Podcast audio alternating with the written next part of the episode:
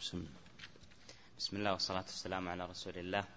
اللهم اغفر لنا ولشيخنا وللحاضرين والمستمعين. أما بعد قال المؤلف رحمه الله السبب الثامن اعتقاده أن تلك الدلالة قد عارضها ما دل على أنها ليست مرادة مثل معارضة العام بخاص أو المطلق بمقيد أو الأمر المطلق بما ينفي الوجوب.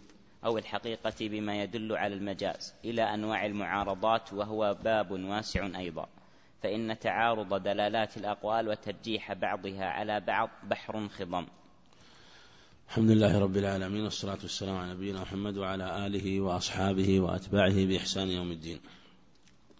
هذا هو السبب الثامن من الأسباب التي يحصل فيها خلاف بين العلماء ويخفى على العالم الدليل. وهذا كما تقدم سبب متفرع عن السبب الثاني الذي ذكر رحمه الله وهو اعتقاده عدم دخوله تحت دلالة الحديث. الأول عدم اعتقاده أن النبي قاله كما تقدم. الثاني يعلم أنه قاله لكن يكون دخول الحديث دخول المسألة تحت الحديث عنده موضع نظر. وقد يكون يرى أن هذه المسألة أو هذا الدليل أو هذا الحكم داخل لكنه قد عارضه ما ينافيه. ولهذا قال اعتقاد أن تلك الدلالة قد عارضها ما دل على أنها ليست مرادة. مثل مثل العام بالخاص والمطلق بالمقيد فقال إن هذا أن هذه المسألة لا تدخل في هذا الحكم لأنها أخرجها نص خاص أو أخرجها نص مقيد. وقد لا يكون الأمر كذلك لا يكون الأمر كذلك من جهة النظر في الدليل. أو يقول مثلا إنه إن الأمر هذا ليس للوجوب أو الأمر مطلق بما بما ينفي الوجوب. يعني معنى أن هذا قد يكون بسبب الخلاف في دلالات الدلالات التي يأتي الخلاف فيها في باب في باب أصول الفقه. وقد يأتي مثلا خلاف في مسألة تقييد المطلق. مثل مثلا تقدم معنا قول النبي عليه الصلاة والسلام لا يمسكن أحدكم ذكره بيمينه. بعض العلماء مثلا يقول إن هذا الحكم خاص حال البول وإلا فإنه يجوز أن يمسه. وقال إن هذا مقيد بالرواية الأخرى قوله وهو يبول وهو يبول. فلا تكون هذه الصورة فتكون الصورة الداخلة هي صورة التقييد. ويخالفه من يخالف ويقول لا هذا حكم مطلق ولا تقييد بل القيد بل القيد يؤيد الإطلاق. لا يعارضه. وهو يقول إن القيد يعارض الإطلاق. ومن يخالف يقول إن القيد يؤيد الإطلاق. وذلك أنه إذا نهي عن المس عن مس الذكر حال البول والوقت قضاء الحاجة وقت حاجة ربما يحتاج إلى مسه يحتاج إلى مسه ومع ذلك نهي عن مسه. فكونه ينهى عنه في غير حال البول من باب أولى. وذلك أن هذا ليس ليس المقصود منه التقييد. ليس المقصود منه التقييد إنما المقصود منه التنبيه إلى أحوال المس. وذلك أنه ذكر الحالة التي يحتاج فيها إلى المس فنهي عنه ففي غيرها من باب أولى. وهذا مثال وقد تكون هناك أمثلة كثيرة لكن هذا يحتاج إلى يعني تتبع واستحضار و وبحث في هذه المسألة لكن الأمثلة بالتأمل تأتي كثيرة آه، في هذا الباب والخاص والعام والإطلاق والتقييد.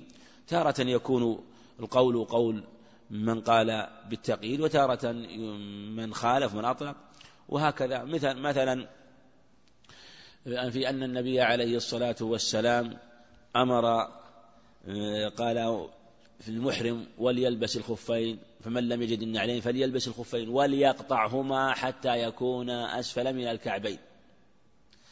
المحرم إذا لم يجد النعلين يلبس الخفين يعني مثل كنادر تشبه التي تكون ساترة للكعب ساترة للكعب. فخفاف من جلد. فالنبي عليه الصلاة والسلام أذن لمن لم يجد النعلين أن يلبس الخفين كما أذن لمن لم يجد إزارا أن يلبس السراويل أن يلبس السراويل. هذا قاله بالمدينة في حديث ابن عمر لما لما آه، حدث الناس عليه الصلاة والسلام وهذا إما يوم الجمعة ثم من الغد.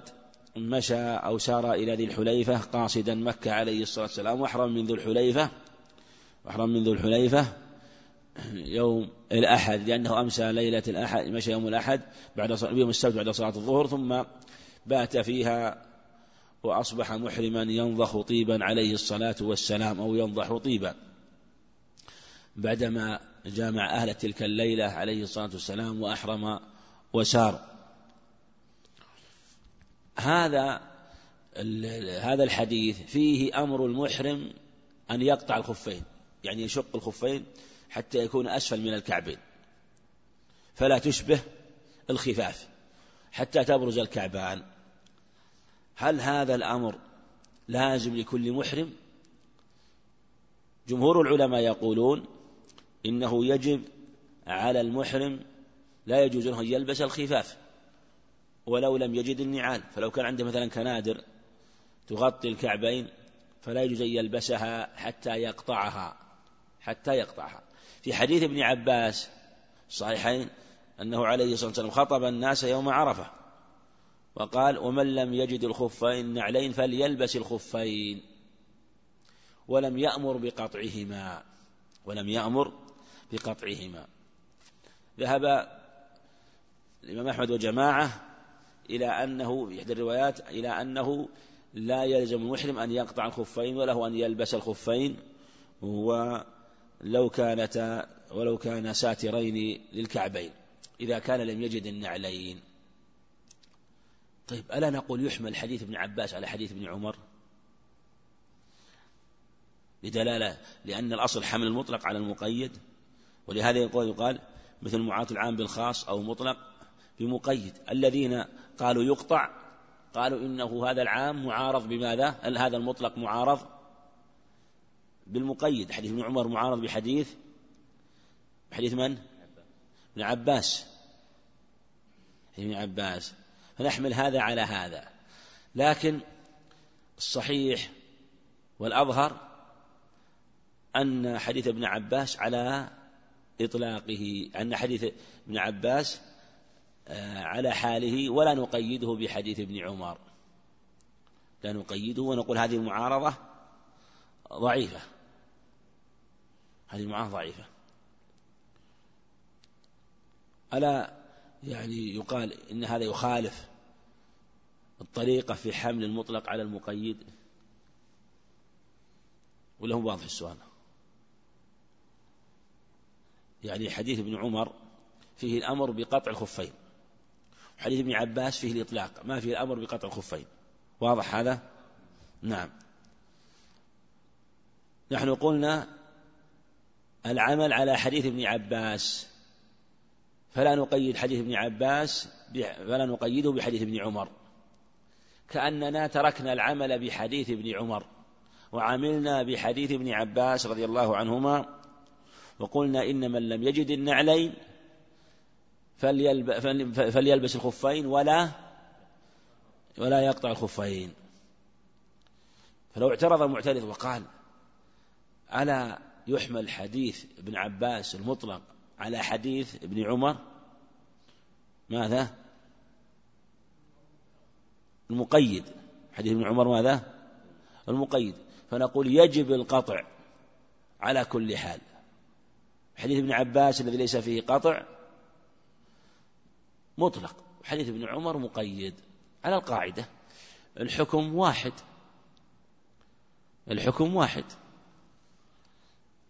والسبب واحد اتفق. نعم. نقول لا لا نعمل به.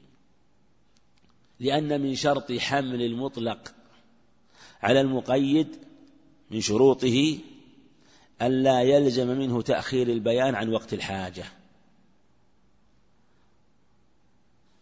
ألا يلزم من تأخير البيان عن وقت الحاجة. فإذا لزم منه تأخير البيان عن وقت الحاجة فإنه لا يحمل المطلق على المقيد. ما معنى هذا؟ حديث ابن عباس رضي الله عنهما حديث ابن عمر قاله النبي عليه الصلاة والسلام في أين؟ في المدينة. حديث ابن عباس في عرفة في اليوم التاسع. حديث ابن عمر في آخر شهر ذي القعدة في يوم خمسة وعشرين أو قبل يعني أو قبل ذلك وصار لخمس بقين عليه الصلاة والسلام يعني خمس بقين من شهر ذي الحجة من شهر ذي القعدة عليه الصلاة والسلام.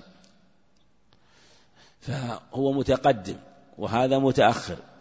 ولهذا قلنا إن رحمك الله ولهذا قلنا إن حديث ابن عباس رضي الله عنهما لا نحمله على حديث ابن عمر لأن حديث ابن عباس قاله النبي في عليه الصلاة والسلام في عرفة وقد حضر حجته في عرفة أناس كثير من الصحابة وأناس من الأعراب وأناس ممن لتوه أسلم ممن لم يحضروا خطبته في ماذا؟ في المدينة ولم يسمعوا بحديثه وكلامه في المدينة فلو قلنا يحمل حديث ابن عباس على حديث ابن عمر لزم من حضر خطبته في عرفة أن يكلف بالعلم بحديث ابن عمر الذي قاله في المدينة. وهل سمعوه وإلا لم يسمعوه؟ لم يسمعوه. وعلى هذا فيه تأخير البيان عن وقت الحاجة. ومثل هذا تكليف بما لا يلزم. ولو كان واجبا ذلك لو كان حمل بالمطلق على المقيد في هذه الحالة واجب وأنه يجب قطع الخف لما سكت النبي عليه الصلاة والسلام عنه ولبين لهم وقال واقطعوا الخفين ومن البعيد أو من المحال أن يقول في حديث ابن عباس ومن لم يجد النعلين فليلبس خفين ويكون قصده ومراده أي المقطوعين اللذين نبه عليهما في المدينة. نبه عليهما في المدينة. هذا لا يكون هذا مثل إنسان مثلا يعني يذكر شروط أو يلزم شروط لأناس في مجلس ويذكر شروط لأناس في مجلس وتكون تلك الشروط الثانية فيها زيادة عن الشروط الأولى. زيادة عن الشروط. هو والمجلس الأول المجلس الأول فيه زيادة. شروط زائدة والمجلس الثاني فيه شروط أخرى. وهذه الزيادات فيها تفصيل. فيلزم أصحاب المجلس الثاني والمجلس الثاني بالشروط التي اشترطها في المجلس الأول وبمعنى أنه يلزمهم تلك الشروط وهو لم يذكرها لهم. هم يقول لا يلزمنا إلا ما سمعنا. فلا تحلنا على شيء لم نسمعه. وهذا واضح. لو ألزمهم بشيء لم يسمعوه ولم يمليه عليهم ولم ي... لا يلزمهم. لا يلزم. هذا مثل إنسان كما يقول بعض أهل العلم مثل إنسان ذهب إلى النجار أو إلى الخياط إلى خياط قال فصل لي ثوب واجعل فيه مثلا المخبات هنا وضع أشياء وفصل ثوب آخر عند خياط آخر. وهو عند الخياط الأول ذكر أشياء زيادة. ضع فيه كذا وضع فيه كذا. وقال الخياط الثاني فصل لي ثوب ولم يذكر فيه زيادة عن الثوب المعتاد. فلما أراد أن يأخذ الثوب من الخياط الثاني سلم الثوب. قال وين أنا؟ في أشياء ناقص قال ما هي؟ قال أنا اشترطت عند الخياط الثاني ثوبي يكون فيه كذا وفيه كذا وفيه كذا. يقول يقول؟ قل لا يلزمني. أنت لم تذكر لي هذه الأشياء. فتحيلني على شيء لم أسمعه ولم أعلمه فلا يلزمني فلا يلزمني. هكذا أيضا في هذا في هذا إذا كان هذا بين الناس ففي الشريعة التي يسمح والذي والبيان من النبي عليه الصلاة والسلام أكمل وأتم وأبلغ وأنصح من باب أولى. فمن شرط حمل المطلق على المقيد أن يكون أن لا يلزم منه تأخير البيان عن وقت الحاجة. ولهذا قد يعارض المطلق بمقيد ولا يكون كذلك ولا يكون كذلك. ثم قد يكون المعارضة ضعيفة جدا وقد تكون المعارضة محتملة. وهذا حسب الأمثلة التي يقع فيها الخلاف بين العلماء. ولهذا قال فإن تعارض دلالة الأقوال وترجيح بعضها على بعض يعني بحر خضم بحر يختلف. يعني مسائل كثيرة جدا. نعم. السبب التاسع اعتقاده أن الحديث معارض بما يدل على ضعفه أو نسخه أو تأويله إن كان قابلا للتأويل بما يصلح أن يكون معارضا بالاتفاق مثل آية أو حديث آخر أو مثل إجماع. وهذا نوعان. نعم أو السبب التاسع هو داخل يعني هذان التاسع والعاشر داخلان تحت السبب الثالث. يعني من الأسباب لأنها ثلاثة أسباب تتفرع عنها عشرة أسباب.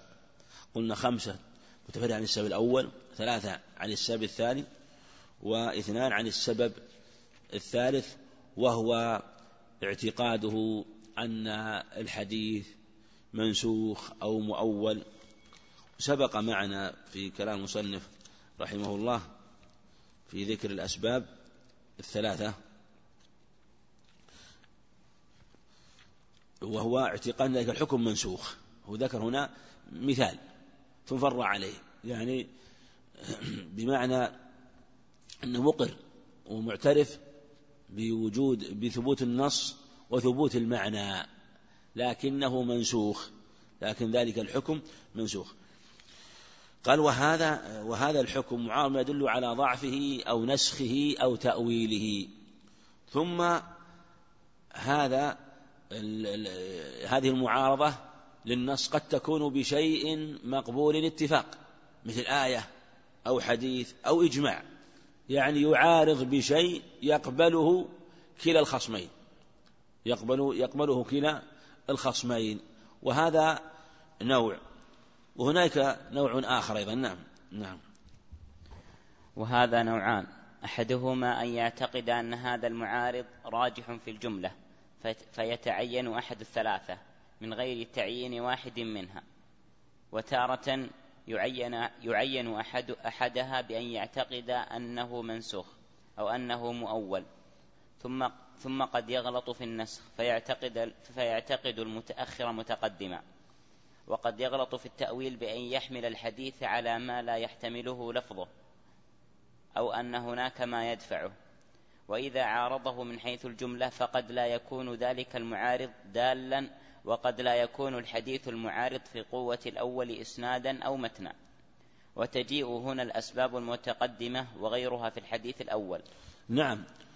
وهذه المعارضات المعارضة كما تقدم أن يعارضه بما يدل على نسخه مثلا أو تأويله أو بما يدل على ضعفه. يدل على ضعفه فيعارض الحديث بما يدل على ضعفه وأنه لا يثبت أو بما يدل على نسخه أنه منسوخ أو على تأويله أو على تأويله.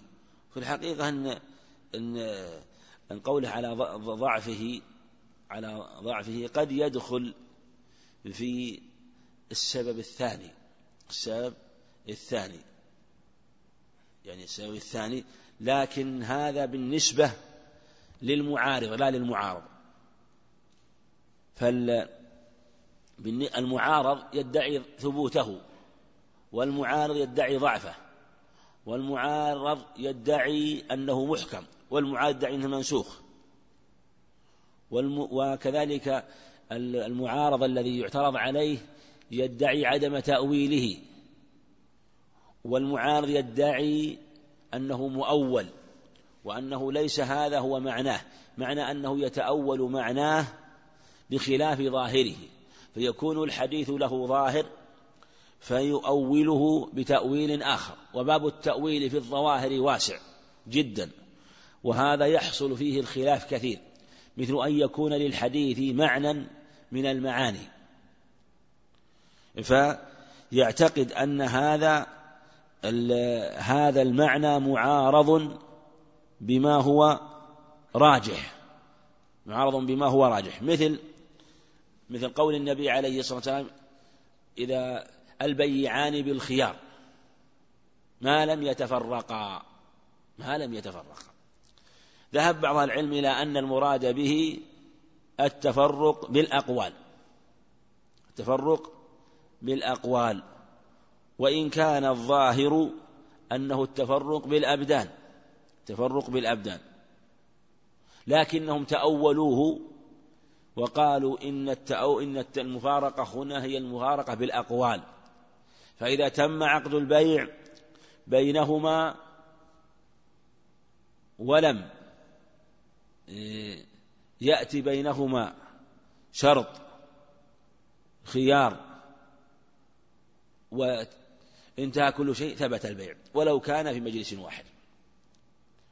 ثم ذكروا تأويلات وأدلة تؤيد هذا التأويل وأن المراد به مفارقة المجلس. وهذا التأويل ضعيف لأن الحي يدل على أنه إذا تجتمع إذا تبايعا فهما بالخيار ما لم يتفرقا فهما بالخيار ما لم يتفرقا. ولهذا راوي الحديث وهو ابن عمر كان يعمل على التفرق بالأبدان لا التفرق بالأقوال. التفرق بالأبدان لا التفرق بالأقوال. والأدلة الصريحة في هذا حديث عبد الله بن عامر وحديث أبي أمامة وأحاديث أخر في هذا الباب تدل على هذا المعنى وأن المراد به التفرق بالأبدان لا التفرق بالأقوال. حتى شدد بعض العلماء على مالك رحمه الله حينما خالف هذا الحديث مع أنه رواه رحمه الله حديث ابن عمر. لكن هذا تأويل هذا تأويل. كذلك أيضا ادعاء النسخ مثل قوله عليه الصلاة والسلام توضأوا مما مس يعني هذا المثال الأول على مسألة التأويل تأويله. أو النسخ مثل قوله عليه الصلاة والسلام توضأوا مما مست النار. توضأوا مما مست النار. قال بعض العلماء هذا منسوخ فالنبي عليه الصلاة والسلام أكل سويقا ولم يتوضأ. وقال آخرون ليس بمنسوخ والحديث محكم. كما ثبت في صحيح مسلم حديث حديث عائشة وزيد بن ثابت وأبي هريرة رضي الله عنهم وروي من طرق كثيرة في المسند وعن صحابة آخرين توضؤوا مما مست النار وهو محكم ولا دليل عن النسخ. ولهذا نقول يشرع التوضؤ مما مست النار. سنة لأن المطبوخ والذي آه، تؤثر فيه الحرارة لا أثر في البدن ولا محذور. لكن لكن هذا الوضوء مستحب. نستدل على أن النبي عليه الصلاة والسلام أكل مما مسته النار وأكل أثوار أقط عليه الصلاة والسلام الأقط ولم يتوضأ. وهكذا في عدة أخبار لكنه أمر بالوضوء. ولا نقول إنه منسوخ نقول إنه منسوخ. مثل الوضوء مثل لحم الغنم. نقول إما مستن يسن الوضوء من لحم الغنم من الدجاج من جميع المأكولات المطبوخة من المشروبات المطبوخة من القهوة والشاي. سن أن يتوضأ. لقوله توضأ مما مست النار. لكن الوضوء مما مست النار منه ما هو واجب وهو لحوم الإبل ومنه ما ليس بواجب. وهو ما سواها مما مسته النار. فادعاء النسخ هنا ضعيف لأن الأصل عدم النسخ الأصل عدم النسخ. فنجمع بين الأخبار وحينما نقول إنه ليس بمنسوخ وأنه محكم فإننا عملنا بالخبرين. وإذا ادعينا النسخ فإننا عملنا بخبر واحد. ثم أثبتنا أنه منسوخ ولا دليل. ثم لو ثبت المتأخر منهما وعرفنا المتأخر فالصحيح أننا لا نقول إنه منسوخ إلا بدليل. ما نقول منسوخ حتى ولو علمنا أن هذا النص هو المتأخر. يعني إذا أمكن الجمع فهو واجب. إذا أمكن الجمع فهو واجب. وهذا له أمثلة كثيرة. مثل القيام للجنازة. هل هو واجب أو مستحب؟ هل هو يعني منسوخ أو محكم. كثير من قال إنه منسوخ. وأن النبي عليه كما الحديث الصحيحة جاءت أنه عليه أمر بالقيام الجنازة وقال حتى تخلفكم الصحيحين وغيرهما. وجاءت حديث علي رضي الله عنه قام للجنازة ثم قعد ثم قعد بعد. فقالوا إنه منسوخ. والذين خالوا قالوا ليس بمنسوخ الأمر به للاستحباب. والجلوس لبيان الجواز والجلوس من الجواز. وهذا هو الأظهر. لكن جاء حديث عند عند عند أحمد رحمه الله قال ثم أمرنا بالجلوس. هذا قال بعضهم إنه صريح في النسخ. منهم من قال لا الأمر بالجلوس أمر على جهة الاستحباب للرفق لأن الجنازة قد تطول وقد إيه، لا تغاب إلا بعد زمن وقد يشق فيجلس إذا أراد لا بأس به وإن قام فلا بأس بذلك. ومثله الشرب قائما. ثبت في صحيح مسلم حديث أنس حديث سعيد الخدري حديث أبي هريرة أنه نهى عن الشرب قائما. في لفظ زجر عن الشرب قائما. وفي لفظ في صحيح مسلم أبي هريرة من نسي فليستقي. أمر بالاستقاء. في حديث أيضا الجارود عند الترمذي أنه نهى عليه الصلاة والسلام. نهى. ثم جاءت حديث ابن عباس حديث علي في الصحيح أنه شرب من زمزم وهو قائم منهم من قال إن النهي منسوخ.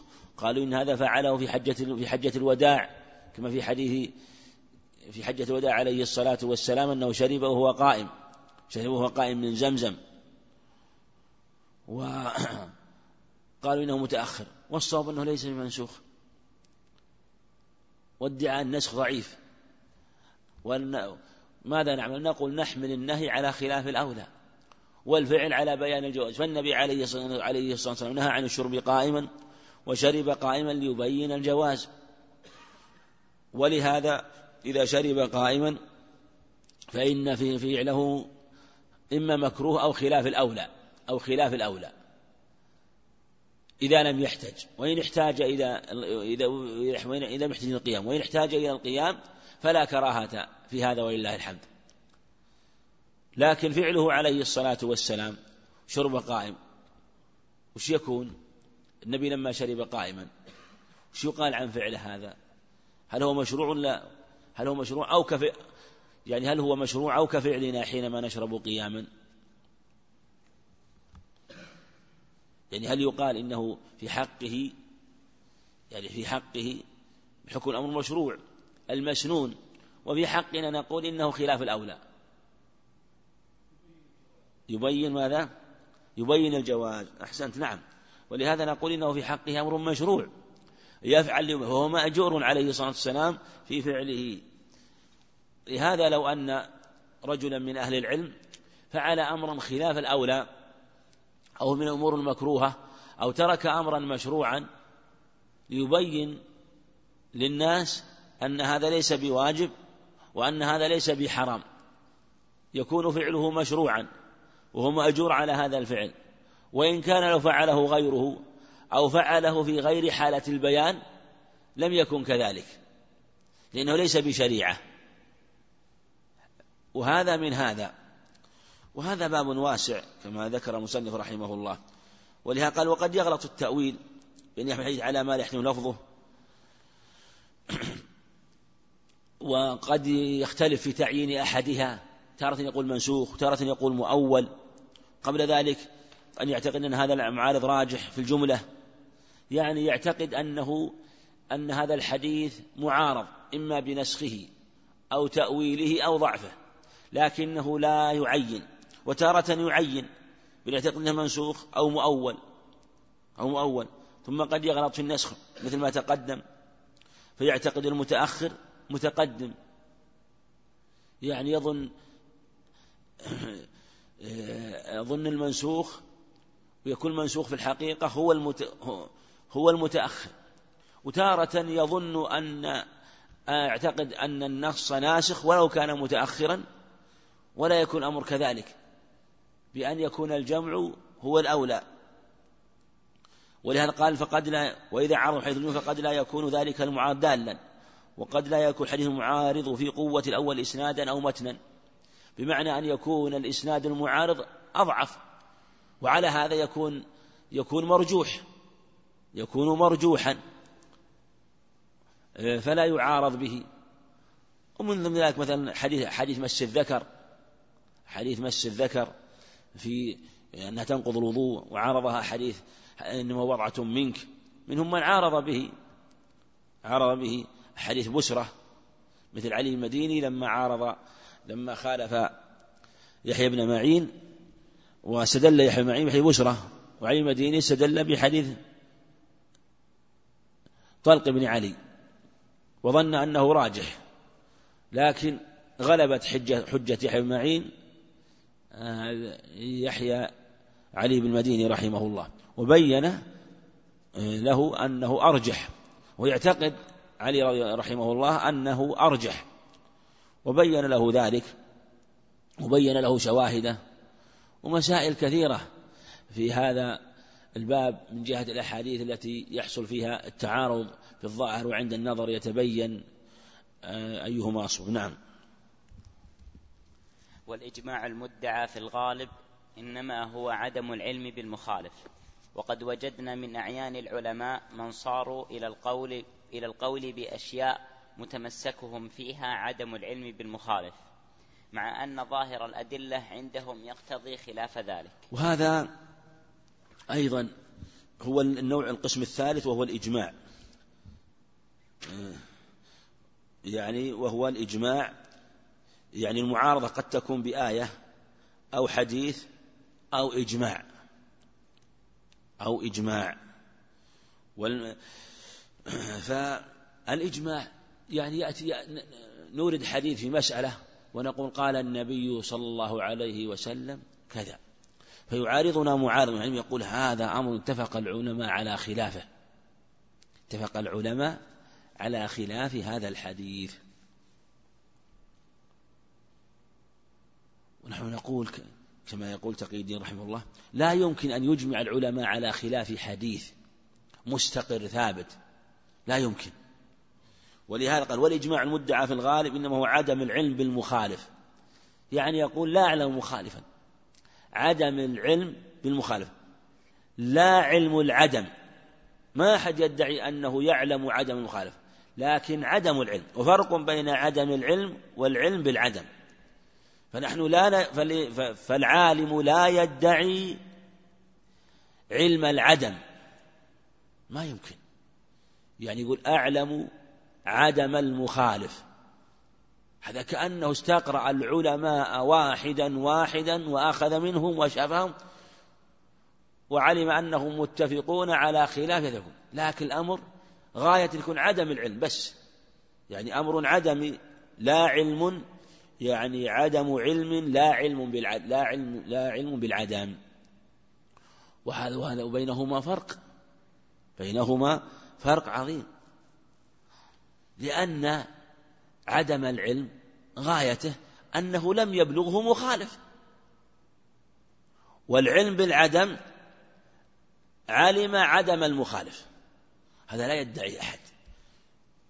ولهذا إنما قال الإجماع مدعى في الغالب إنما هو عدم العلم بالمخالف. ولهذا قالوا عدم العلم ليس علما بالعدم. ولا واضح هذا. عدم العلم ليس علما بالعدم.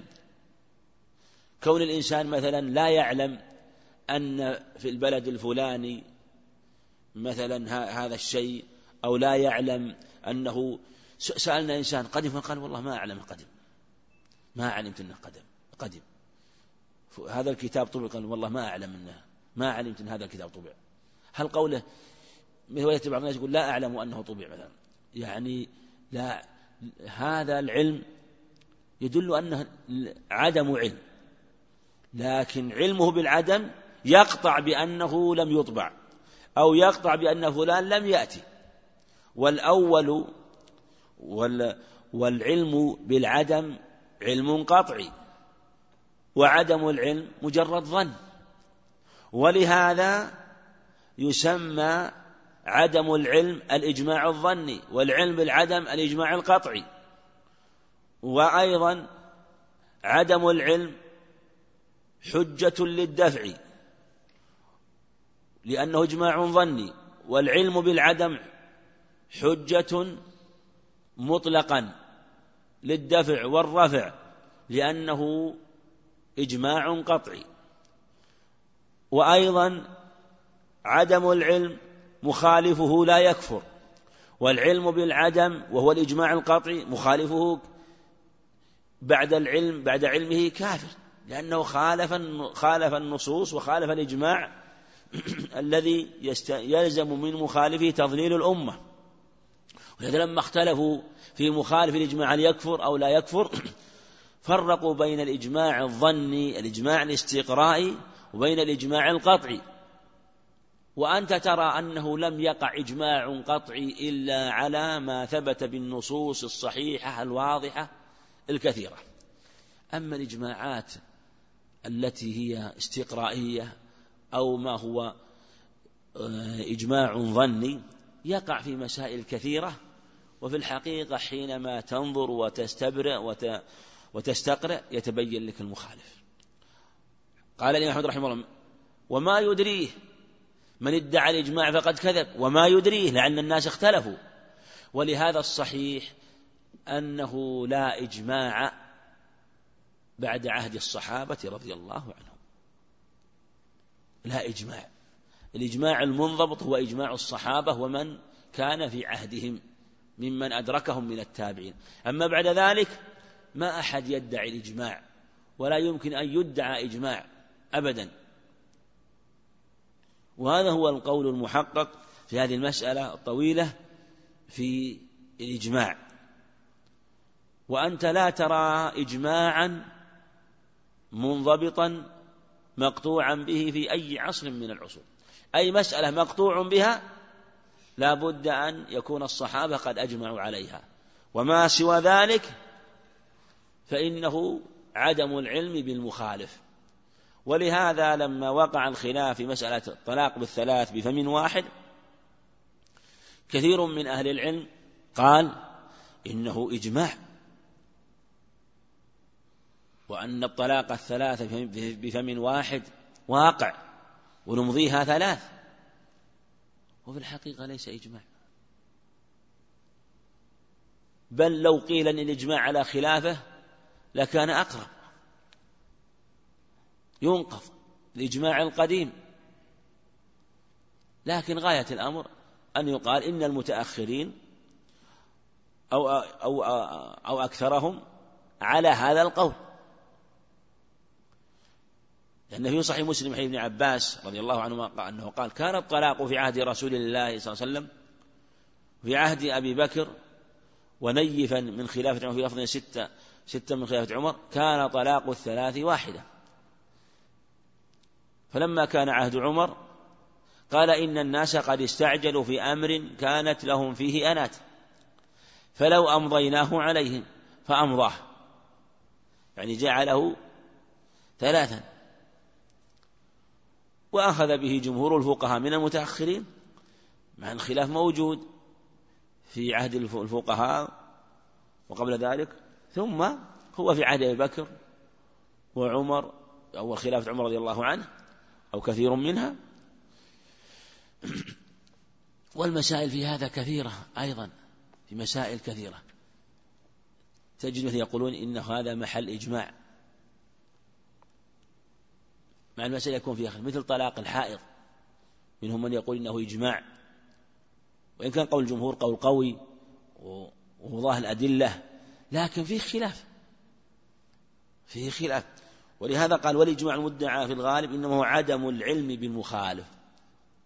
كثير من الإجماعات التي يحكيها بعض العلماء كابن جرير رحمه الله وابن المنذر وابن عبد البر الغالب أنها المراد عدم المخالف هو أو يكون قول الجمهور وقول أكثر. مع أن بعضهم بعضهم يرى أن خلاف الواحد والاثنين والثلاثة لا يعتبر.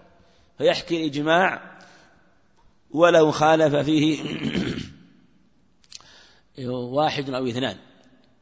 ويقولون إنه شذوذ فلا يعتبر ويحكون اتفاق. فيكون مسألة مسألة اصطلاحية في ذكر الإجماع مع علمه أن هناك مخالف. وادعى الإجماع لأن خلافهم رأى أنه شذوذ.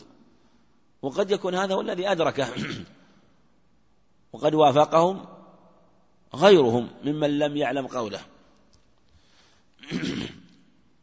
نعم. لكن لا يمكن العالم أن يبتدئ قولا لم يعلم له قائلا مع علمه بأن الناس قد قالوا خلافه حتى إن منهم من يعلق القول فيقول إن كان في المسألة إجماع فهو أحق ما يتبع وإلا فالقول عندي كذا وكذا. وذلك مثل من يقول لا أعلم أحدا أجاز شهادة العبد وقبولها محفوظ عن علي عن علي وأنس وشريح وغيرهم رضي الله عنهم. ويقول آخر أجمعوا على أن المعتق بعضه لا يرث وتوريثه محفوظ عن علي وابن مسعود رضي الله عنهما. وفيه حديث حسن عن النبي صلى الله عليه وآله وسلم. ويقول آخر لا أعلم أحدا أوجب الصلاة على النبي صلى الله عليه وسلم في الصلاة وإيجابها محفوظ عن أبي جعفر الباقر. وذلك أن غاية كثير من العلماء أن يعلم قول أهل العلم الذين أدركهم في بلاده ولا يعلم أقوال جماعات غيرهم. نعم. وهذا هو الحق.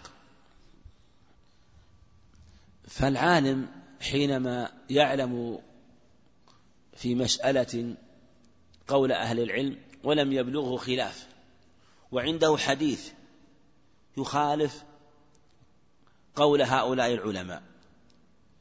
فربما العالم لا يجترئ على مخالفة هذا هذه الأقوال الكثيرة أو يقول قولا لم يعلم به قائل.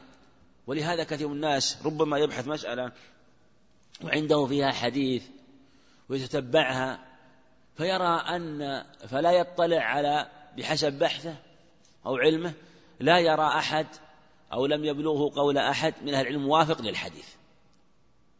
فيتهيب أن يقول بالحديث ولا يجترئ أن يقول بالحديث. وهذا يقع كثير في كثير من المسائل. فيتهيب وينظر في الحديث والحديث يدل على خلاف قولهم. فعند ذلك هو لا يلام في الحقيقة. لا يلام لأن تركه للحديث ليس لأنه يرى تقديم قولهم على الحديث لكن هو يقول لعل الحديث مثل ما تقدم. لعله منسوخ وأنا لم يتبين لي وجه النسخ. لعله مؤول وأنا لم يتبين لي وجه التأويل. لعله إجماع. لعله إجماع. وأنا لم أعلم بالدليل الذي دل على على خلافه. لا يمكن إجماع إلا عن دليل. ولا يلزم من الدليل أن يكون نص. لا. الدليل قد يكون استنباط واضح من السنة أجمع العلماء عليه. ولهذا كثير من المعاني تستنبط من الأدلة يجمع العلماء على معناها. يجمع العلماء على معناها إذا كان الاستنباط واضحا في خاصة في أبواب المفاهيم. يعني تكون الدلالة لا في محل النطق. فلهذا يقول يقول بعضهم لا يجزم بالإجماع إنما يقول لا أعلم مخالفا. ينفي علمه بالمخالف يقول إن كان في المسألة إجماع فهو قولي. أو أحق ما يتبع. وإن لم يكن في المسألة إجماع فإني قائل بالحديث لأنه هو الأصل واجب. أو يكون في المسألة قولان. قول مخالف للحديث وهو القول الذي بلغه عن هؤلاء العلماء وقول هو ظاهر الحديث فيعلق. وهذا هو واجب أهل الإنصاف إذا كان ما تبين. لكن أن يرد الحديث بلا بينة. ويقول الحديث هذا منسوخ أو ضعيف أو متأول بلا دليل هذا لا يجوز. ترى كثيرا ممن يتعصب ويأتي دليل مخالف لقول مقلده. يقول هذا الحديث منسوخ أو ضعيف. حتى روي عن بعض علماء العلماء علماء من أحناف وغيرهم كالكرخي وأمثاله كل حديث خالف قول أئمتنا فهو مؤول أو منسوخ. هذه هذا كلام باطل بالإجماع. كل حديث خالف قوله مؤول أو منسوخ؟ يعني كأن الشريعة لهم. لكن هذا من التعصب الذي يعتبر من الزلات. غاية الأمر أن يستغفر لمن وقع منه ويعتذر عنه بأنه أحسن الظن وبأنه آه، لم يجترئ على مخالفة مشايخه وعلماء وعلماء زمانه وبلده لأنه لم يظهر له وجه هذه الأقوال. يعني يعتذر له بمثل هذا. وإن كان مثل هذا قد يتبين ويظهر خاصة إذا كانت النصوص واضحة وبينة ويكون التأويل مستكرة. وذكر المصنف رحمه الله أمثلة في هذا العلماء مختلفون فيها.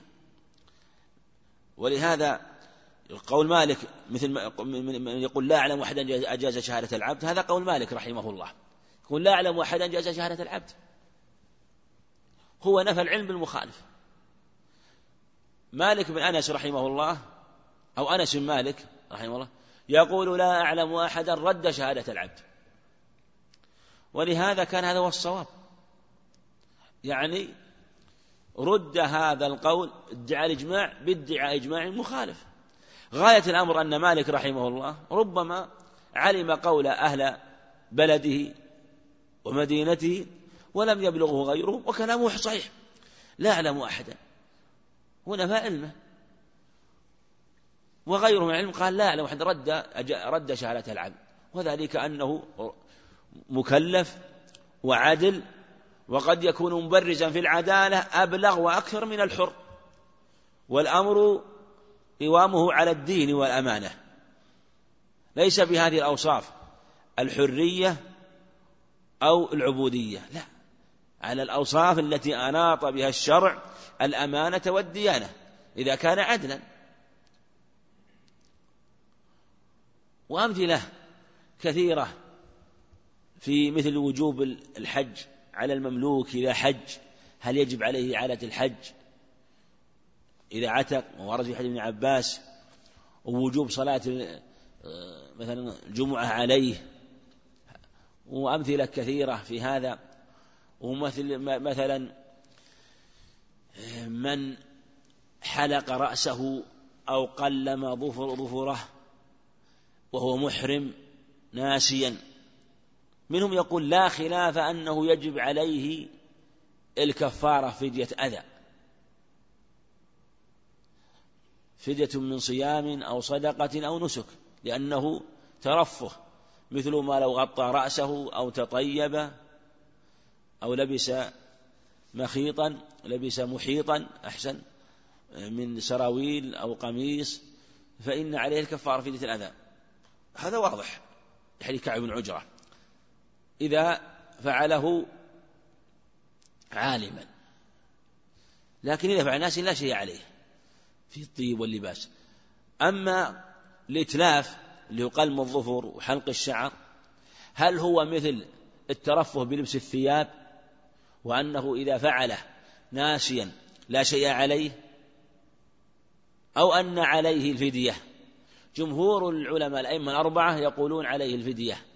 ولم يجعلوه مثل ما لو تطيب ناسيا أو لبس ثوبا ناسيا. مش الدليل؟ قالوا هذا إتلاف. والإتلاف يستوي فيه الخطأ والعمد. ومثل قتل الصيد عمدا. من قتله منكم متعمدا. قالوا إن قتله متعمدا إن قد يعني لا لا لا إن لا فرق بين قتل متعمد وناسي. وأن عليه المثل إن كان له مثل. ومنهم من خالف. قال لا إذا قلم الظفر ناسي قلم أظفاره أو حلق شعره فلا شيء عليه. ربنا لا تؤاخذنا نسينا أخطأنا. وعموم الأدلة. وهذا رجح ابن القيم رحمه الله مع أنه يحكي يقول لا لعنه مخالفا في هذا. مع أن القول الأظهر والذي تقتضيه الأدلة أنه لا شيء عليه. قولهم إنه إتلاف نقول هل هذا الإتلاف له قيمة في الشرع؟ ومن قال لكم أنه إذا قلم أظفاره أن الشارع جعل له قيمة؟ ومن قال لكم أنه إذا حلق شعره أن الشارع جعل له قيمة؟ من قال ذلك؟ ذا لا قيمة له. وكذلك قتل الصيد خطأ. قالوا لا فرق بين من قتله خطأ وعمدا يجب فيه الفدية المثل وهو البدل بحسب الصيد المقتول. فإن كان قتل حمام فعليه شاة لأن الشاة مثل الحمام مثل الشاة ولا لا؟ ولا هي مثلها؟ إذا قتل شاة إذا قتل حمامة مش عليه؟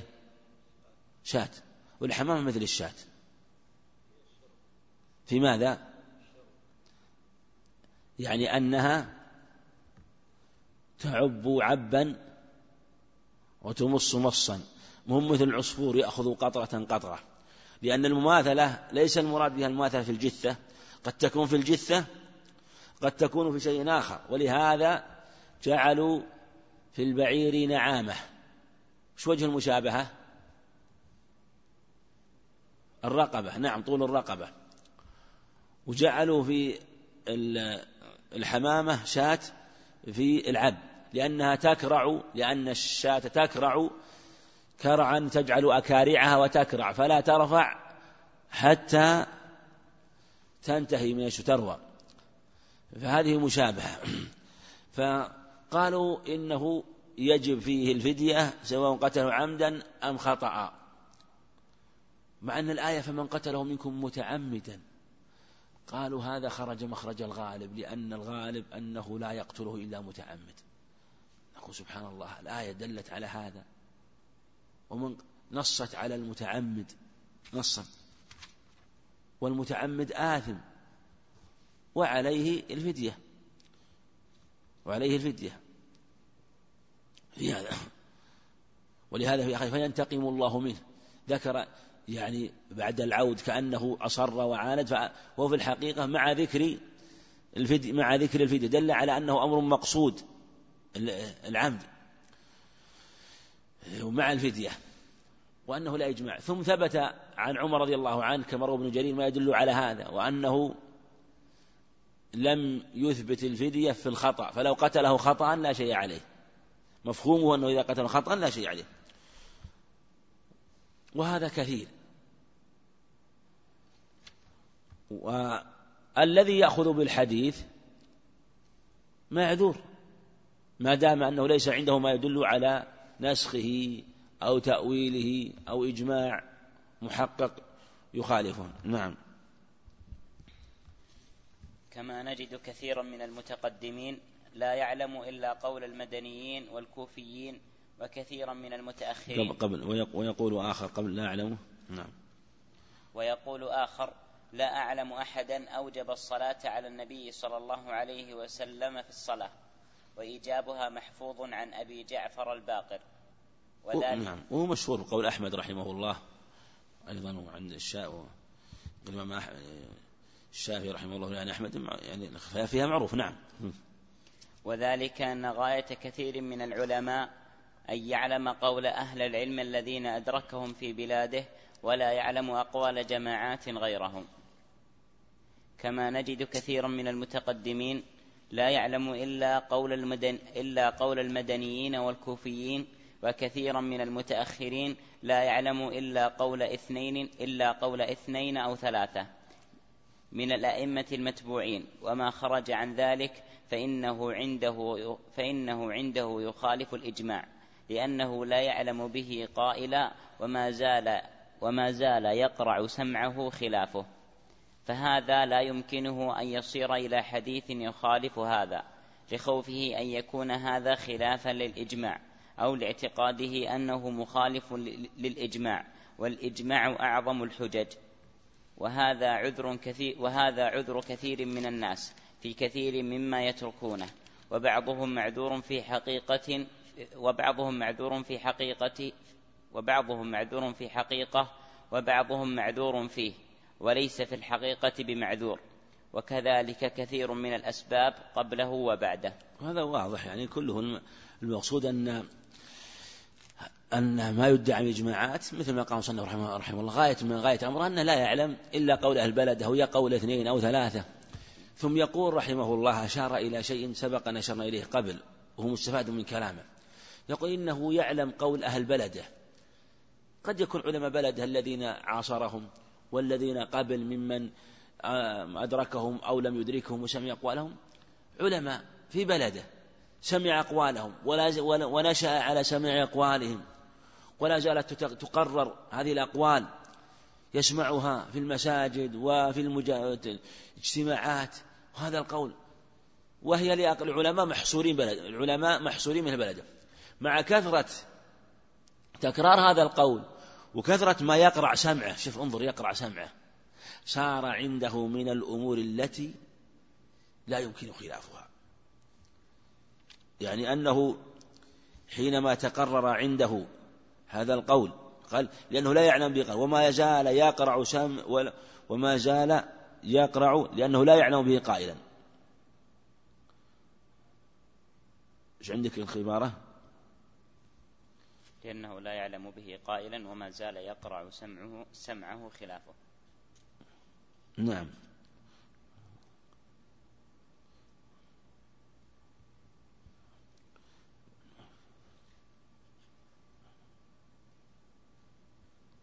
نعم لأنه لا يعلم به قائلا. صح وما زال يقرع سمعه خلافه. يعني خلاف يعني خلاف القول الذي بلغه. خلاف القول الذي يخالف قوله هذا مراده. لأنه لا يعلم به قائلا هذا القول. وما زال يقرع سمعه خلاف هذا القول. مو بقوله هو القول الذي بلغه ولا واضح. نعم. فهو عنده في الحقيقة أمران. أن هذا القول الذي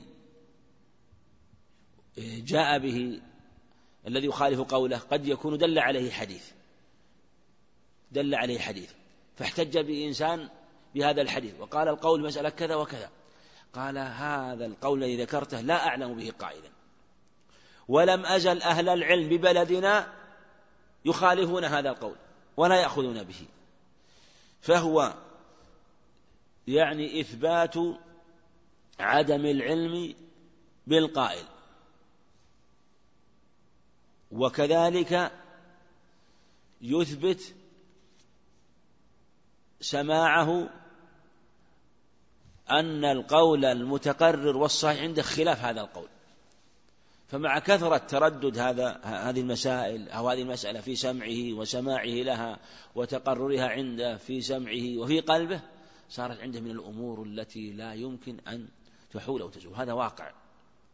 كثير من الناس قد يعمل بقول قد يعمل بقول ثم يقال قال النبي عليه كذا وكذا. يستنكر ربما تنفر نفسه. يقول ما هذا القول؟ هذا لا أعلم به قائل. لم أسمعه. لم أزل أسمع علماء بلدي. ومشا يقولون القول خلاف. هذا القول. حتى يأنس. و ويظهر له قوة هذا القول فيفتي به. وهذا بحسب ظهور السنة. وكم من أقوال في مسائل مستنكرة صارت عند الناس من الأمور المقبولة. وعكسها. وهذا كله إذا كان الحديث وصحيح وليس له معارض كما تقدم. نعم. السبب العاشر. هو آخر الأسباب نعم. السبب العاشر معارضته بما يدل على ضعفه أو نسخه أو تأويله مما لا يعتقده غيره أو جنسه معارضا معارضا أو لا يكون في الحقيقة معارضا راجحا. كمعارضة كثير من الكوفيين الحديث الصحيح بظاهر القرآن واعتقادهم أن ظاهر القرآن من من العموم ونحوه مقدم على نص الحديث. نعم وهذا السبب مشابه لذاك الذي قبله وهو معارضة يدل على الضعف والنسخ والتأويل لكن فرق بين المعارضتين. هذه معارضة بأدلة هي في الحقيقة لا تصح وتلك معارضة بأدلة صحيحة لكن ما فيها دلالة. مثلا ما يوضحه في حديث ابن عباس اللي تقدم قيل إنه أن الحكم آه، معارض بالحكم الذي قيد الإطلاق. أو مثلا المعارضة بالأحاديث النسخ نسخ الوضوء من مسة النار. في حديث القول بأنها منسوخة كذلك نسخ نسخ النهي عن الشرب قائما. عارض من عارضها قال إنها منسوخة. الأدلة المعارضة هل هي صحيحة ولا صحيحة؟ اللي قالت إن, إن الشرب قائما منسوخ النهي عن الشرب قائما منسوخ. أن التوضؤ الأمر بالتوضؤ من مسة النار منسوخ. الأدلة التي عارضتها أدلة ماذا؟ صحيحة. أدلة صحيحة يعني نفس الخصم يعترف بأن صحتها. لكن لا يسلم أنها ناسخة. لا يسلم هذا وجه. أما هذه في نفس الأدلة التي استدل بها نفس الأدلة التي استدل بها هي في الحقيقة ضعيفة. ضعيفة ولا يصح المعارضة بها. أما تلك يصح المعارضة بها. يصح المعارضة لصحتها لكنها لا تدل على النسخ. أما هذا فمثل ما ذكر رحمه الله مثل من يقول إن الحديث الصحيح لا يقبل حتى يعرض على القرآن. نقول نفس الاعتراض باطل من أصله. أما الأول نقول اعتراضك صحيح لكن استدلالك ليس بصحيح. قولك إن الوضوء من مسة النار منسوخ الأحاديث صحيحة أن النبي عليه الصلاة والسلام أكل من مسة النار لكنه ليس بمنسوخ داعي النسخ كذلك كونه عليه الصلاة والسلام جلس قام الجنازة ثم جلس بعده صحيح. لكنه لا يدل على النسخ. أما هذا فإن نفس الاعتراض لا يصح باطل. مثل اعتقاد مثل اعتقادهم أن الحديث الصحيح آه، يعارض بظاهر القرآن فيرد. وهذا كلام باطل. وتقدم الإشارة إليه. وقد ذكرنا حديث ثوبان رضي الله عنه الذي لا يصح أنه قال عليه إذا سمعتم بحديثي فعليتم القرآن فإن وافقه فاقبلوه وإلا فردوه هذا قلنا حديث باطل أو موضوع. لفظه منكر. وكذلك اعتقادهم أن العموم من القرآن مقدم على النص من الحديث. إذا جاء عموم في القرآن قالوا إن النص من النص الحديث يدل على خلافه يدل على خلافه فلا فلا يخص به. مثل قولهم الأحناف مثلا إنه يصح الوضوء بلا نية لظاهر القرآن. أنه لم لم أنها لم تذكر النية في الوضوء. لم يا أيها الذين إذا قمتم فاغسلوا وجوهكم وأيديكم وامسحوا برؤوسكم ورجلكم كعبين. قد يكون لهم أدلة لا نعلمها من مما ذكروه مما لا يصح. وإذا وردنا عليهم الحديث قالوا هذا العموم في القرآن لا يعارض بالسنة. السنة واضحة. السنة ولو كانت نصا ولو كانت واضحة. لا يعارض. لأن لا يعارض نص القرآن بنص السنة. قلنا هذه لا معارضة. وهذا تأصيل باطل ولا يصح. وأنتم سلمتم في أمور كثيرة أنتم خصصتم بها عموم القرآن. خصصتم بها عموم القرآن في مسائل كثيرة. فهذا هذه المعارضة لا تصح. نعم. ثم قد يعتقد ما ليس بظاهر ظاهرا لما في دلالة القول من الوجوه الكثيرة. كذلك يعتقد أن ما ليس بظاهر ظاهر يعني في القرآن. يعني يخطئ حتى في القول بأن هذا ظاهر ويكون ظاهر القرآن ليس كما قاله بل هو موافق لما دل عليه الحديث. فيجتمع ظاهر القرآن ظاهر القرآن وظاهر السنة على المعنى. نعم. ولهذا ردوا حديث الشاهد واليمين وإن كان غيرهم يعلم أن ليس في ظاهر القرآن ما يمنع الحكم بشاهد ويمين. ولو كان فيه ولو كان فيه ذلك. فالسنة هي المفسرة للقرآن عندهم. نعم هم يقولون أنه رد الشاهد في قوله فاستشهدوا شهيدين من رجالكم فإن لم يكون رجل فرجل وامرأتان. والنبي عليه الصلاة والسلام قضى بالشاهد واليمين. حديث ابن عباس وحديث جابر وحديث أبي هريرة وحديث كثيرة جدا صحيحة في هذا الباب. وقالوا إنه يعارض القرآن. ووجه وجوه الرد كثيرة. يعني ليس المقام مقام البيان في هذا. لأن ثم القرآن ليس فيه فيه دلالة لما ذكروه. ليس فيه دلالة لما ذكروه. القضاء بالشاهد باليمين هذا في القضاء في الحقوق والذي في الكتاب العزيز في إثبات الحقوق. وفرق بين إثباتها وبين القضاء بها. فأمر الله عز وجل في حال إثبات الحقوق أن تثبت بأعلى البينات. أما القضاء بها والحكم بها فإن الواجب أن يحكم بكل ما يبين الحق. فالبينة هي ما يبين ما يبين الحق ويوضحه. قد تكون البينة شاهدان رجلان. وقد تكون وقد تكون البينة آه، رجلا وامرأتين.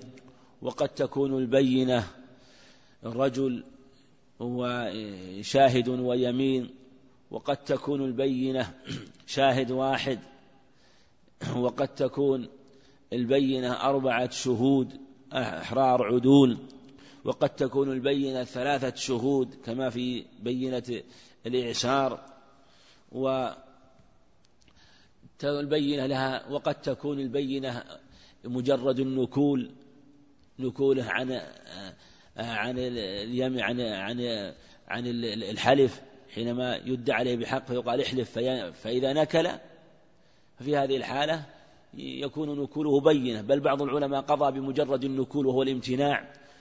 ودلائل كثيرة في هذا فالبينة واسعة في الشريعة وجاءت بها الأدلة. نعم. وللشافعي في هذه القاعدة كلام معروف. ولأحمد في رسالة في, في ولأحمد فيها رسالته المشهورة في الرد على من يزعم الاستغناء بظاهر القرآن عن تفسيره بسنة رسول الله صلى الله عليه وسلم. ولقد أورد فيها من الدلائل ما يضيق هذا الموضع عن ذكره. ومن ذلك دفع الخبر الذي فيه تخصيص لعموم الكتاب أو تقييد لمطلقه أو فيه زيادة عليه واعتقاد من يقول ذلك. أن الزيادة على النص كتقييد المطلق نسخ أو أن الزيادة على النص كتقييد المطلق نسخ وأن تخصيص العام نسخ. نعم قف على قوله قوله كمعارض طائفة المدينة قف على هذا. وهذه كلها من المعارضات التي بين العلماء بطلانها. وكما قال للشافعي كان قال كلام معروف والمراء وكذلك الإمام أحمد رحمه الله. كذلك قوله من الزيادة على النسخ آه، آه، نسخ كتقييد المطلق قالوا إن الزيادة على ما في الكتاب العزيز مثل قول القضاء بالشهد واليمين قالها زيادة على كتاب الله لأن الله عز وجل ذكر رجلين أو رجل امرأتين فإذا قلنا أيضا شاهد ويمين هذه زيادة والزيادة نسخ ولا يمكن أن ينسخ الكتاب بالسنة الكتاب العزيز بالسنة وذكروا أصول باطل يعني هذا أيضا لا يسلم لهم لا من جهة التقعيد في الأصل ولا من جهة الحكم بأنه لا ينسخ الكتاب بالسنة والخلاف فيها معروف في هذه المسألة. فبين الشافعي رحمه الله الإمام أحمد أنه لا يمكن أن يعارض القرآن بالسنة وأنه لا يمكن أن يتعارض القرآن والسنة وأنهما واحد ودلالتهما واحدة وطاعتهما واجبة في هذا وفي هذا. لكن لما قصر النظر وقصر الفهم حصلت حصلت مثل هذه الظنون. ولهذا تجد مثل هذه الأصول في الغالب تكون من سوء فهم من سوء فهم. في الغالب تكون من سوء من سوء فهم. هذا عند إحسان الظن. لكن مع عدم إحساء الظن ظن فإنها تكون من من سوء قصد. وإذا اجتمع سوء الظن سوء الفهم وسوء القصد فهذا في الحقيقة هو البلاء الأكبر. وهذا هو الواقع. ولهذا يبتلى المسلمون بكثير من أمثال هؤلاء خاصة ممن يريدون إبطال النصوص وكثير منهم والعياذ بالله لهم مقاصد سيئة فتجد أنهم يحرفون النصوص ويبطلون دلالتها ويشبهون وفي الحقيقة هم لهم مقاصد سيئة في إبطالها. لكن هذا كما ينبه القيم رحمه الله أن أن هذا في عند المتأخرين كثير. أما الصحابة رضي الله عنهم فكانوا يختلفون كانوا يتنازعون وكان يريد بعضهم على بعض لكنهم كانوا مؤتلفين كانوا مجتمعين. عندهم الكمال في الفهم والكمال في حسن القصد فجمع الله شملهم ويسر أمرهم واختلافهم لا يورث إلا الائتلاف والاجتماع مع اجتماع الكلمة ولم الشمل فلا يقومون إلا بنفوس طيبة. ولهذا لم يحصل بينهم خلاف في مسائل التوحيد والعقيدة. هم مجتمعون عليها. وإن كان يحصل خلاف في مسائل علمية ويولد بعضهم على بعض ثم بعد ذلك من حفظ فإنه حجة على من يحفظ. وكل يقول لصاحبه ماذا تعلم أو تحفظ عن رسول الله صلى الله عليه وسلم في هذه المسألة؟ وهذا هو الواجب. لكن كلما طال العهد كلما قلت السنة وظهر الجفاء وقلت الأهواء ولا يأتي زمان إلا والذي بعده شر منه حتى تلقوا ربكم كما قال النبي عليه الصلاة والسلام. وطالب الحق إذا جمع الأقوال في المسألة فإنه في الغالب يظهر له وجه الصواب. يظهر وجهه وجه الصواب ولا يخفى بإذن الله. وذلك أنه مع العناية بحسن النظر مع حسن القصد مع أن يسأل مع سؤاله لله عز وجل يلهمه رشده وأن يوفقه للصواب وأن يدعو بدعاء النبي عليه الصلاة والسلام اللهم رب جبرائيل وميكائيل وإسرافيل فاطر السماوات والأرض. عالم الغيب والشهادة أنت تحكم بين عبادك فيما كانوا فيه يختلفون اهدني لما اختلف من حق منك إنك تهدي من تشاء إلى صراط مستقيم فإنه بإذن الله يوفق ويسدد. وإذا اجتهد وبذل الوسع ثم أخطأ فلا عتب عليه فإنه مأجور وعلى خير كما في الحديث الصحيح عنه عليه الصلاة والسلام والله أعلم. صلى الله وسلم وبارك على نبينا محمد. يقول هل ردهم للحديث لأن في إسناده شيء أم لأن عندهم حديث تخالف هذا الحديث؟ هل يمكن يتعارض حديث حديثين صحيحين؟ مثل ما تقدم قد ي... إذا كان الحديث في إسناده ضعف فرده لضعفه وقد يكون حديث تخالف الحديث هذا ففي هذه الحالة ينظر في وجه الجمع بينها فالعالم لا يرد الحديث إلا لسبب إما لنسخه كما تقدم أو تأويله أو ضعفه. أما من يرده لغير ذلك فهذا هو التعصب الذي لا يجوز. هل ممكن يتعارض حديثان صحيحان؟ لا يتعارض الحديث لا تعارض فيه لكن إذا قلنا التعارض يعني التعارض ليس في نفس الأمر تعارض في نفس في نفس المكلف الناظر الذي ينظر. أما في نفس الأمر فلا تعارض. ولهذا تأمل الحديث إذا اجتهد الحاكم وأصاب له أجران. هذا يشمل الحاكم والمفتي وكل إنسان يصلح بين اثنين. أي إنسان يحكم في قضية ينظر في مسألة داخل في هذا الحديث. فإذا نظر بين حديثين ظاهرهما التخالف. نقول الظاهر لكن في نفس الأمر ليس بمتخالفين. إما أن أحدهما منسوخ والآخر ناسخ. إما أن أحدهما راجح والآخر مرجوح. أو يمكن الجمع بينهما. وكل الوجوه الثلاثة لا تعارض بينها ولا تخرج الأحاديث عن هذه الوجوه الثلاثة أبدا الوجه الرابع لم يظهر لك واحد من هذه الوجوه إيش يكون؟ التوقف أنت إيش تبدأ به إذا أردت أن تنظر؟ أولا إيش تبدأ به؟ بالجمع ثانيا النسخ ثالثا قلنا الجمع ثم النسخ ثم الترجيح يرجع يعني ينظر أيهما أرجح ثم التوقف. والتوقف كما قيل نسبي مو بتوقف مطلق معنى أنه قد لا يظهر له فيتوقف يقول لم يظهر لي شيء. وقد يظهر لغيرك من أهل العلم وجه من هذه الوجوه. يعني التعارض كما تقدم ليس في نفس الأمر إنما في نفس المكلف. والشريعة لا تتعارض لا في أصولها ولا في فروعها. وإذا كانت الأصول لا تتعارض كما يقول الشاطبي رحمه الله فالفروع فرع عن الأصول فالفروع لا تتعارض. لكن قد يقصر النظر فلا يظهر له الجمع فيقف. ما صحت حديث الاعتكاف إلا في مساجد الثلاثة؟ حديث لا تصوموا يوم السبت إلا فيما افترض عليكم ولو, ولو أن تأكلوا لحال خشب. حديث الاعتكاف في المساجد الثلاثة الصواب أنه لا يثبت. والصواب أنه كما قال ابن مسعود لحذيفة أن قول حذيفة وقد خاله مسعود. وقد جاء من طرق اختلف العلماء فيه والصواب أنه من قول حذيفة اجتهد رضي الله عنه. و الأحاديث صريحة في أن الاعتكاف في كل في عموم المساجد على خلاف في المساجد التي لا تصلى فيها الجماعة. لا كل مسجد يبني فإنه يصح فيه الاعتكاف. إذا لم يترتب عليه تفويت الجماعة فإن كان ترتب عليه تفويت الجماعة فإنه لا اعتكاف إلا في مسجد تحصل فيه الجماعة.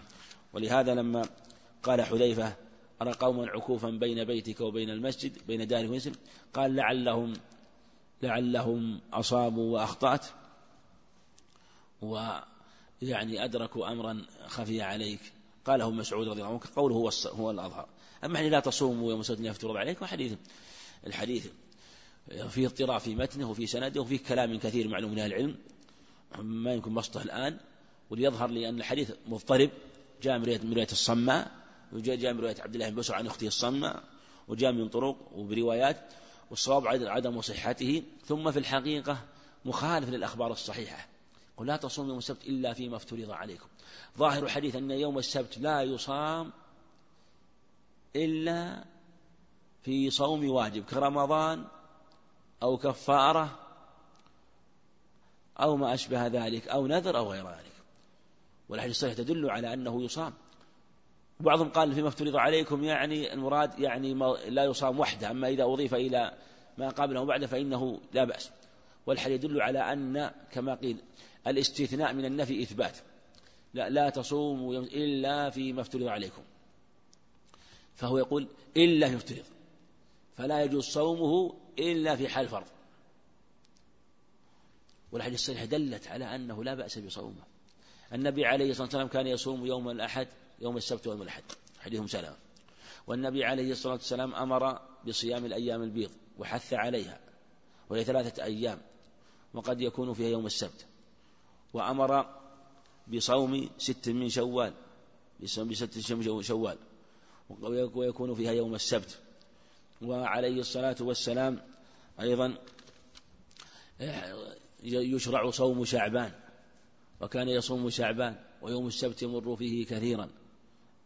وكذلك في أحاديث كثيرة فيها مشروعية الصوم.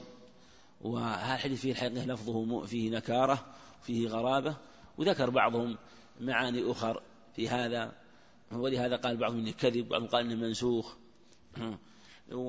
والأمر كما تقدم. ومن بسط هذا الكلام فيه العلامة القيم رحمه الله في تهذيب السنن ذكر كلاما وبحثا واسعا رحمه الله. هل قال بحرمة اعتكاف النساء ثلاثة وحرمة الصوم يوم السبت أحد من السلف؟ يروى عن حذيفة رضي الله عنه كما تقدم في مسألة الاعتكاف. أما يوم السبت الحديث هو كما تقدم احتمال مثلا من بلغ الحديث أنه قال به وأكثر من قالوا قالوا إنه مكروه يعني من قال به. هل قال أحد من السلف بحرمة الأخذ بما دون القبضة من اللحية إن لم يوجد هذا كما في هذا كما فيها الرد هذا القول. الأحاديث صريحة في أنه لا يجوز الأخذ من اللحية. الأحاديث صريحة ويكفينا أنه النبي عليه الصلاة والسلام قال أعفوا اللحى أرخوا اللحى أرسلوا اللحى. حفوا الشوارب جزوا الشوارب أنهكوا الشوارب. يكفي هذا. هذا من النبي عليه وروي عن بعض السلف جاء عن جابر عبد الله وعن أبي هريرة وعن جميع الصحابة أنهم يأخذون من اللحية. فكان ماذا؟ إذا ثبت عن هذا عنه وش نقول؟ نأخذ بقول النبي عليه الصلاة والسلام ولا بقول من قال من قال عن ابن عمر؟ وإن كثروا. مهما كان. غاية الأمر أن نقول ولهذا نقول عبرة بالعبرة بما روى لا بما رأى. والصحابي يحتج له ولا يحتج به. والصحابي لو خالفه صحابي آخر ليس بحجة باتفاق العلم. فكيف إذا كان قوله مخالفا للسنة؟ وفي الحق هذه من الغرائب. صار أن كثير من الناس ينشرون أقوال تكون منقولة عن بعض السلف يجعلونها مع السنة. حينما تكون السنة واضحة ثم يقول ألقى الذين قالوا بهذا كثير. لنفرض أن الذين قالوا بها نصف الأمة. ليس مئة عالم ولا مئتي عالم نصف الأمة. كان ماذا؟ سنة الصحيحة. قال أن نقول لم تبلغهم. يقول ابن عباس رضي الله عنه يوشك أن تنزل عليكم حجارة من السماء. أقول قال رسول الله صلى الله عليه وسلم وتقولون قال أبو بكر لو كان الذي قال هذا والذي قال بجواز أخذ ما زاد عن القبضة أبو بكر وعمر وعثمان وعلي الخلفاء الراشد الخلفاء الراشدون والسنة دلت على خلافه. غاية ما نقول أنهم مجتهدون مأجورون وأخطأوا في هذا. وهذا هم لا يشك فيه. والغريب أن مثلا من يقول هذا ممن يروى عنها ومن قاله من العلم المتقدمين يقول يجوز ما زاد عن القبضة ولا يجوز الزيادة. نقول شو الدليل؟ يقول قال أبو هريرة فعله ابن عمر. سبحان الله. يجعل فعل أبي هريرة فعل ابن عمر حدا محدودا. لا يجوز تجاوزه ويقيد به. النصوص ومع ذلك النبي عليه الصلاة جاءت صريحة في الإطلاق. هذا هذا من يعني من العكس في الاستدلال بالأدلة فالواجب الأخذ بالنصوص وعدم المعارضة. هذا هو التسليم وهذا هو الواجب. سمعنا وأطعنا ولا خالفها من خالفها. مهما خالف من خالف. وهل هي أول مسألة يخالف فيها العلماء السنة؟ لو كنا كل سنة خالف فيها ناس من العلم لأبطلنا كثير من السنن. قلنا خالف فيها فلان وفلان وفلان.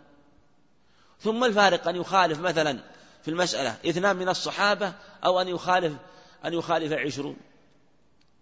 لو قال هذه خالف فيها كثير من الصحابة ما الفارق؟ الصحابة بالآلاف.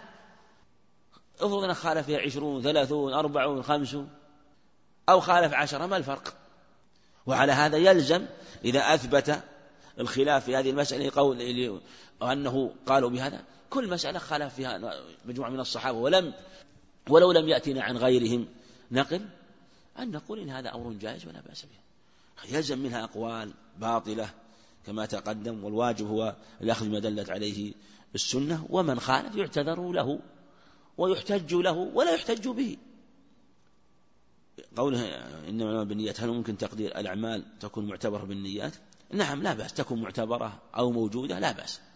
اعتبارها يعني بالنيات سواء كانت من باب الأعمال التي هي تدخل الصحة والفساد تكون صحيحة وفاسدة بالنية أو لا تدخل الصحة والفساد تكون مأجورا فيها وغير مأجور بحسب النية.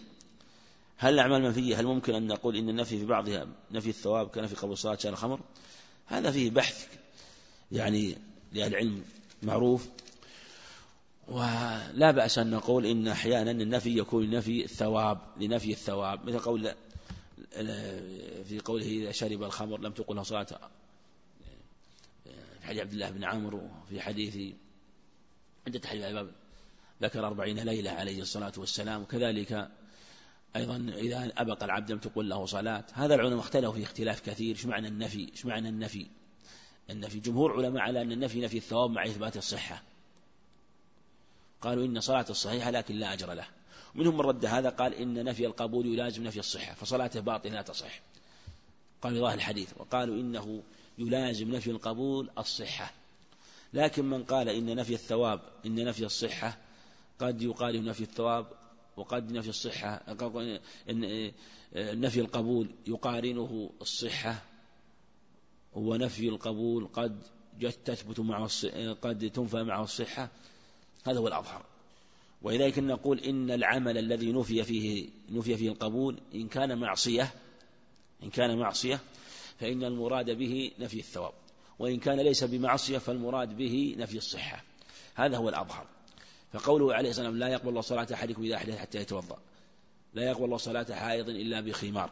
هذا المراد به نفي الصحة. وذلك أن هذا العمل ليس بمعصية ليس فمن فمن لم يتوضأ إنسان لو لا يلزمه إذا أحدث يتوضأ. المرأة لا يلزمها أن تغطي رأسها إلا إذا أراد تصلي لا يلزمه أن يتوضأ إلا إذا أراد أن أن يعمل عملا تجب له الصلاة. أما الإباق إباق المملوك وشرب الخمر هذا معصية على كل حال ما يجوز. فلهذا فرقنا بين العمل الذي تقارن الذي يقارنه تقارنه معصية فالمراد به نفي الثواب وبين العمل الذي لا تقارن معصية فالمراد بنفي الصحة. فدلت عليه السنة في قوله عليه الصلاة والسلام رب صائم ليس له من صيامه إلا الجوع والعطش ورب قام ليس له من قيمة التعب والسهر. فأثبت عليه الصلاة والسلام الصيام مع انتفاء الثواب وأثبت عليه الصلاة والسلام التعب مع ثبوت الصلاة. وكذلك ما ثبت في الحديث حديث عمار رواه أحمد وأبو داود سند جيد إن العبد ينصرف من صلاته ليس له إلا نصفها إلا ثلثها إلا ربعها حتى قال العشر. فأثبت الصلاة مع نفي الثواب. في لفظ يعني عن عباس ليس لك من صلاتك إلا ما عقلت. فهذا يعني قول جيد وهو قول جمهور العلماء وللشواهد أيضا أخرى. من يقول من هو تقي الدين؟ تقي الدين مراد به يعني أبو العباس بن تيمية رحمه الله. نعم تقي نعم. بعض أهل العلم يحكي الإجماع وهو يقصد بذلك إجماع المذهبة نعم هذا يقع إجماع المذهب وهذا هذا لابد أن يبين لأنه يوهم. إلا إذا كان إذا كان له اصطلاح في كتابه ولا قد يقول أجمعوا. هذا يقع في كلام النووي رحمه الله ويقع في كلام ويقع في الإنصاف في رحم المرداوي رحمه الله بغير خلاف يعني يقصد بغير خلاف المذهب. هذا واقع في كتب المذاهب كثيرا.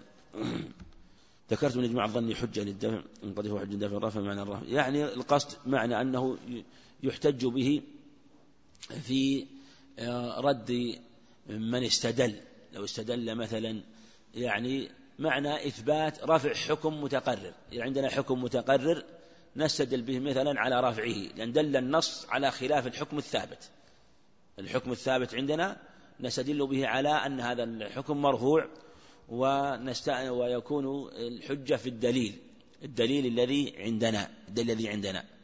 أما الظني فهو ندفع مثل لو جاء عند مثلا مسألة فيها خلاف مسألة فيها خلاف وعنده حديث وخالفه من خالفه فهو من من قال أنا لا أعلم فيه خلاف لا أعلم فيه خلاف. فاعترضنا بالحديث فهو ربما يجعل قول يجعل الإجماع المدعى بمثابة الدليل. ودليلنا الذي إذا عارضناه بمثابة الدليل. فيقول دليلي يعارض دليلكم. أدفع دليلكم دليلكم بدليلي. أدفعه لكن لا يرفعه بالكلية. ولا يبطله. لا يزيله إلا إجماع قطعي. لا يزيل إلا إجماع قطعي. فنقول في يقول هو يدفع معنى يقول أنا معي دليل ونجعل هذا الإجماع بمثابة دليل ظني وحديث بمثابة دليل ظني لكنه كما تقدم من أخذ بالحديث وظهر له فإنه في الغالب يتبين له أن المسألة فيها خلاف أن المسألة فيها خلاف حتى إن بعض العلم كلما وجد قولا أو له دليل فإنه يأخذ به بعد استقراء المسألة وأنه لم يرى في الأدلة ما يخالف هذا الحديث. ليس عنده ما يخالفه أنه منسوخ أنه مرجوح أنه مؤول تأويل واضح. ما عندنا إلا دليل عدم المخالف. ما عندنا دليل. الدليل قائم عندنا الآن. ماذا نعمل؟ فلهذا عمل به بعض العلماء. ابن القيم رحمه الله ذكر بحثا حسنا في كتابه الصواعق المرسلة على الجهم المعطلة معطلة رحمه الله في باب أسباب الخلاف ذكر بحثا نافعا وبحثا ممتعا وذكر أمثلة كثيرة تفصيلا حسن لم أرى يعني أحدا تكلم آه، مثل كلام رحمه الله. وهو في الحقيقة استفاد من كلام أبي العباس شيخ الإسلام رحمه الله وبسطه ومن كلام ابن حزم وبسطه. كما أن تقي رحمه الله أخذ كلام ابن حزم وبسطه آه، كما في هذه الرسالة. أسأله لي ولكم التوفيق والسداد. والله صلى الله وسلم على نبينا محمد.